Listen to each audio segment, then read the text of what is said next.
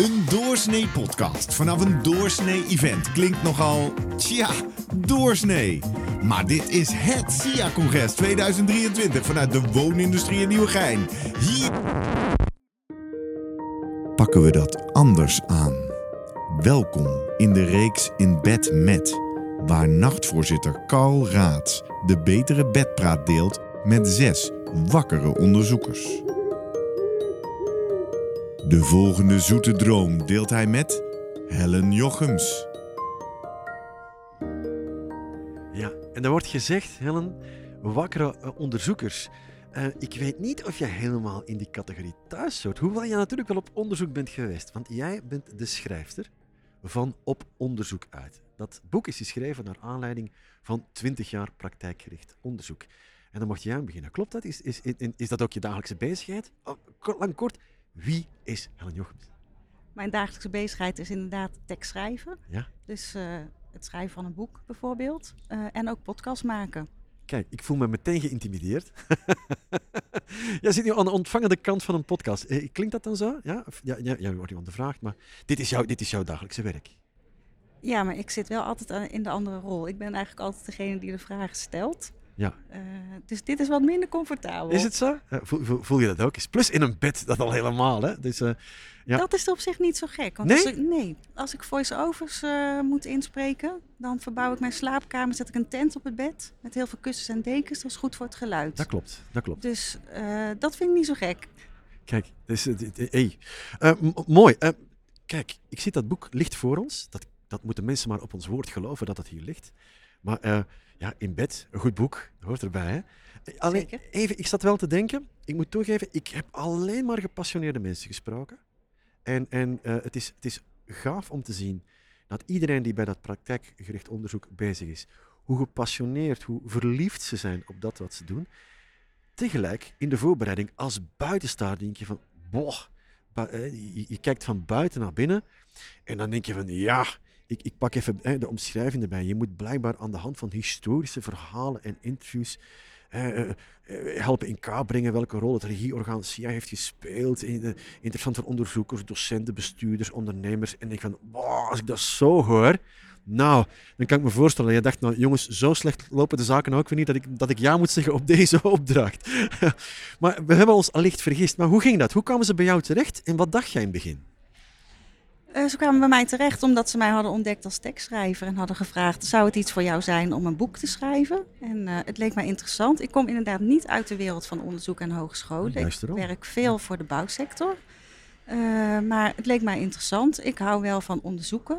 En ik hoefde niks. Dus ik hoefde niet dat zij stukken wat jij voorlas. Dat was niet mijn opdracht. Nee, oh, wat was je opdracht dan? De vraag was, we willen, we willen een geschiedenisboek over 20 jaar praktijkgericht onderzoek. En kun jij dat schrijven?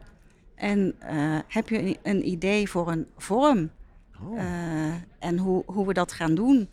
Dus eh, ik dacht, nou, geschiedenisboek, dan is chronologie is een, een fijne volgorde. mhm, want dat is helder voor de lezer. Ja? En dan geeft ook de vrijheid om ergens midden in het boek een stukje te lezen en toch te weten waar je ongeveer in die geschiedenis zit. mhm.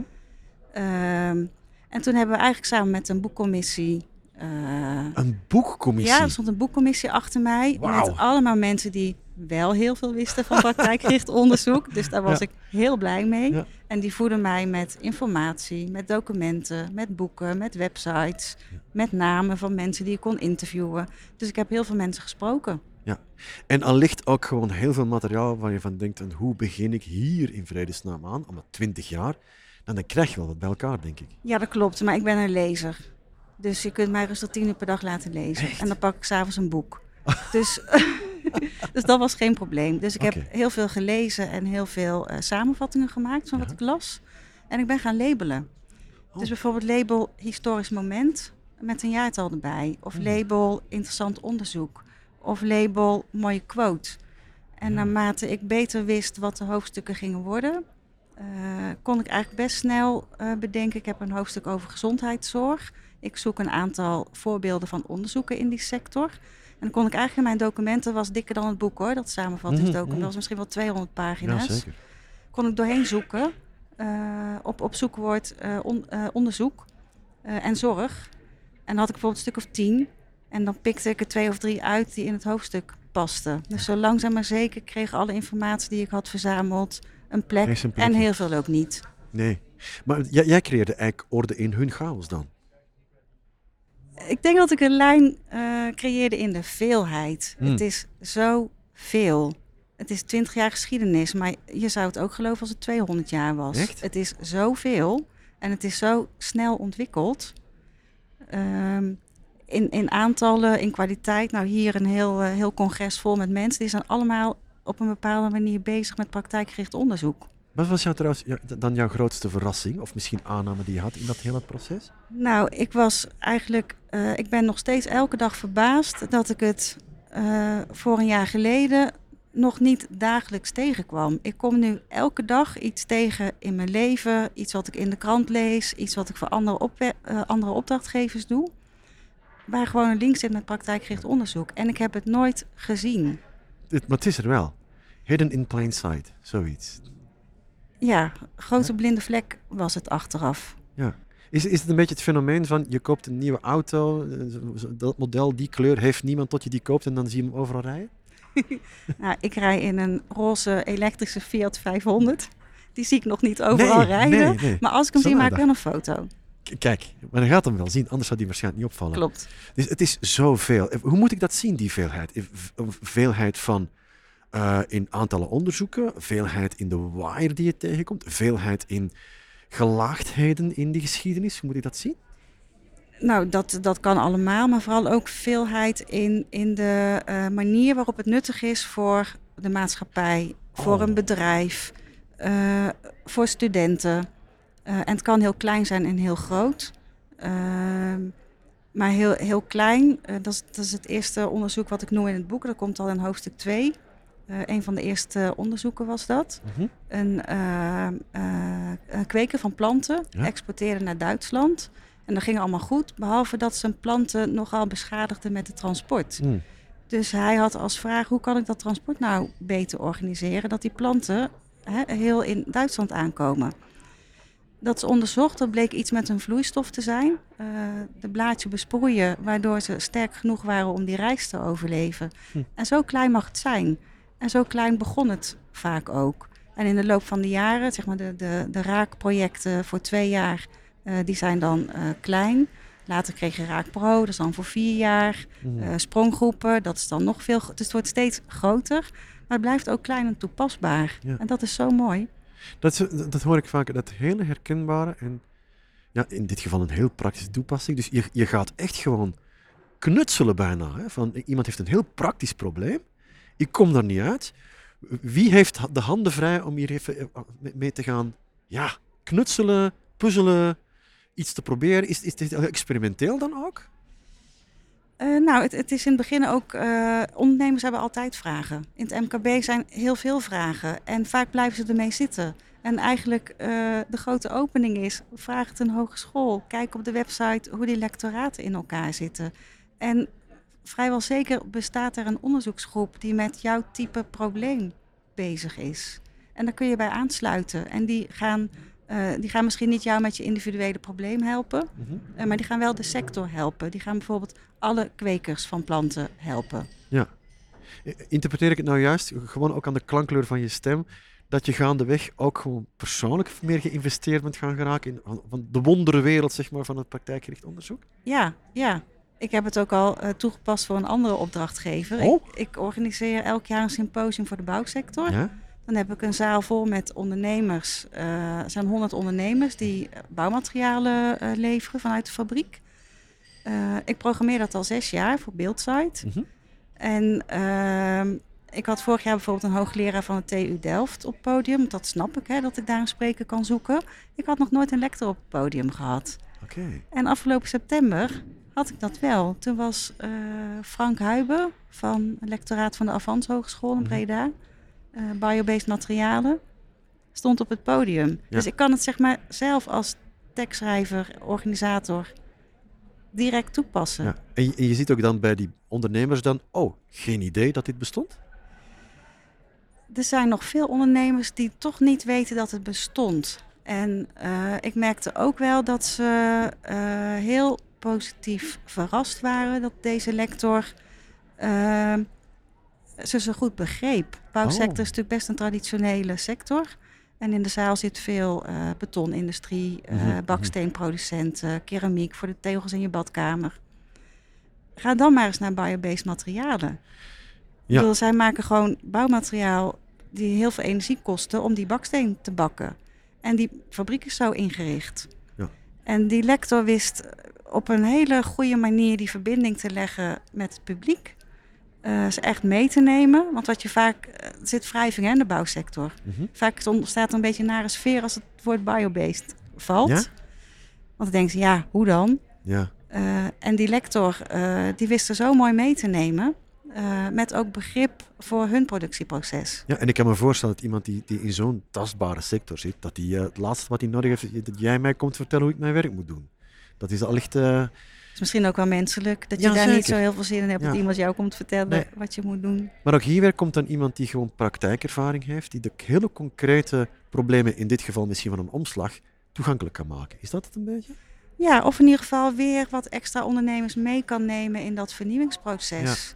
En eh, het begint met contact. Je gaat eens bij elkaar kijken. Eh, je gaat eens naar een centrum samen experimenteren.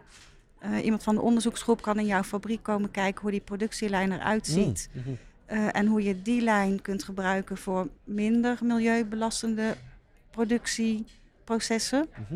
Eh, samen nadenken en samen verder komen. Het, is, het is echt samen aan de bak gaan. Hè? Het is echt samen. Grappig. Je kwam uiteindelijk op 16 hoofdstukken uit, had ik het goed begrepen. Klopt dat een beetje? 16? Uiteindelijk kwam ik op 16 uit. Ja, eh, en is dat eh, toevallig dat getal of is dat eh doordacht? nou, ik wilde de 20. Oh, er komt nog een vervolg! Want ik dacht, ik hoop het. Ja? ik dacht, eh 20 jaar praktijkgericht onderzoek. Hoe mooi is het dan om 20 Juist, historische juist, momenten juist, te vinden en daar 20 hoofdstukken over te schrijven. Ja.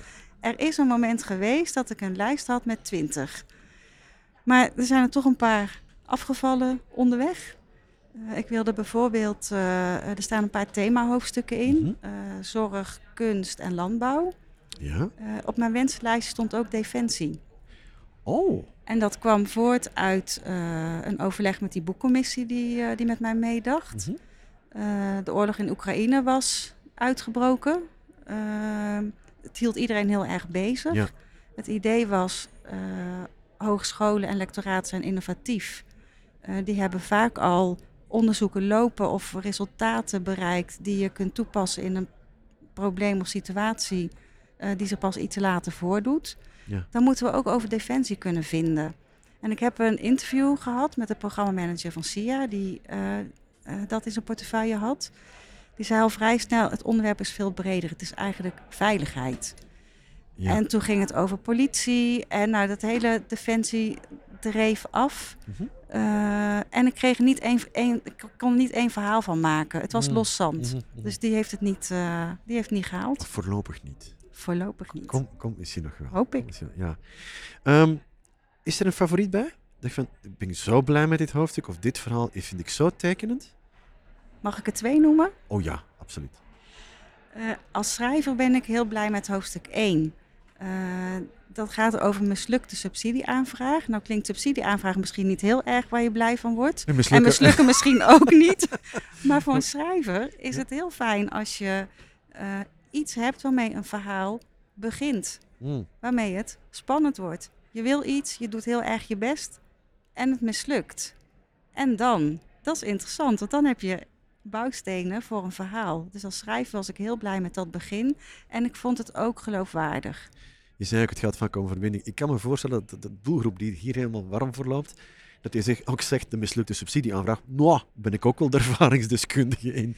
Ja? Er is toch niemand bij wie altijd alles lukt? Nee, nee. Dus ik vond het ook wel geloofwaardig. Er staan wel meer dingen in die of moeilijk gingen, of lang duurden, of toch niet helemaal lukten. En dat is, eh, was ik heel blij mee dat dat ook gewoon eh, is gebleven tot en met het drukken van het boek.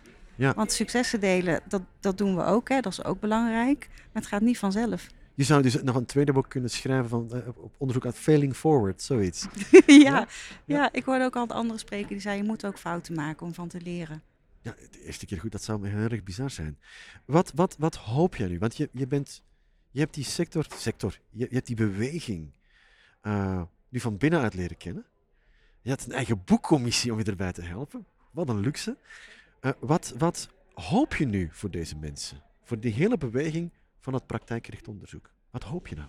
Ja, ik hoop dat, uh, dat nog meer ondernemers en mensen in de publieke sector werken uh, weten dat het bestaat en weten dat het, dat het zin heeft om elkaar op te zoeken en dat er echt praktische hulp vanuit lectoraten kan komen voor, voor jouw innovatie, voor jouw stap, voor jouw droom. Uh, mijn droom was dan een lector op het podium. Nou, die had ik in september. Ja? Maar dat ga ik vast nog wel een keer doen. Mm -hmm. uh, maar ik heb ook andere opdrachtgevers waar ik, uh, die, waar ik mensen interview en hoor waar ze mee bezig zijn en hoor waar ze mee worstelen. Ik weet bijna zeker dat ik nog een keer de link kan leggen met een lectoraat. Mm -hmm. Je hebt dit nu gedaan voor SIA, voor, voor het praktijkelijk onderzoek. Wat, wat, wat, wat zou je nog willen doen? Nu, nu je de smaak te pakken hebt, wat denk je van, oh, maar dit zou ook gaaf zijn? Podcastserie maken? Prima, wat mij betreft. vind, bij, deze is de oproep gelanceerd. Hè? En, uh, en als, als er geen reactie komt, dan weten we ook dat de juiste mensen dus niet naar de podcastserie hebben geluisterd die wij aan het maken zijn. Maar ik ben, ik ben blij hoe blij jij bent met uh, dat hele proces. En blijkbaar het resultaat ook. Het was een heel dankbaar onderwerp en dat is fijn, want dan kun je ook gewoon een boek schrijven met alleen maar dingen die belangrijk of interessant of leuk genoeg zijn om in het boek te komen. Ik hoef het niet te vullen. Ik heb heel veel weg, weggelaten omdat het niet paste. Wordt vervolgd? Wat mij betreft wel. Nou, uh, Helen Jochems, dank je wel voor je passie ook. Dank Net als al die anderen. En ja, als, als iemand die van buitenaf komt en uit de bouw komt en met zulke twinkelende oogjes vertelt over het praktijkgericht onderzoek, dan denk ik van mensen, ga dat boek lezen, ga het van dichterbij leren kennen en laat uh, heel Nederland oogjes gaan twinkelen dan, toch? Dank je voor het gesprek. Dank je wel.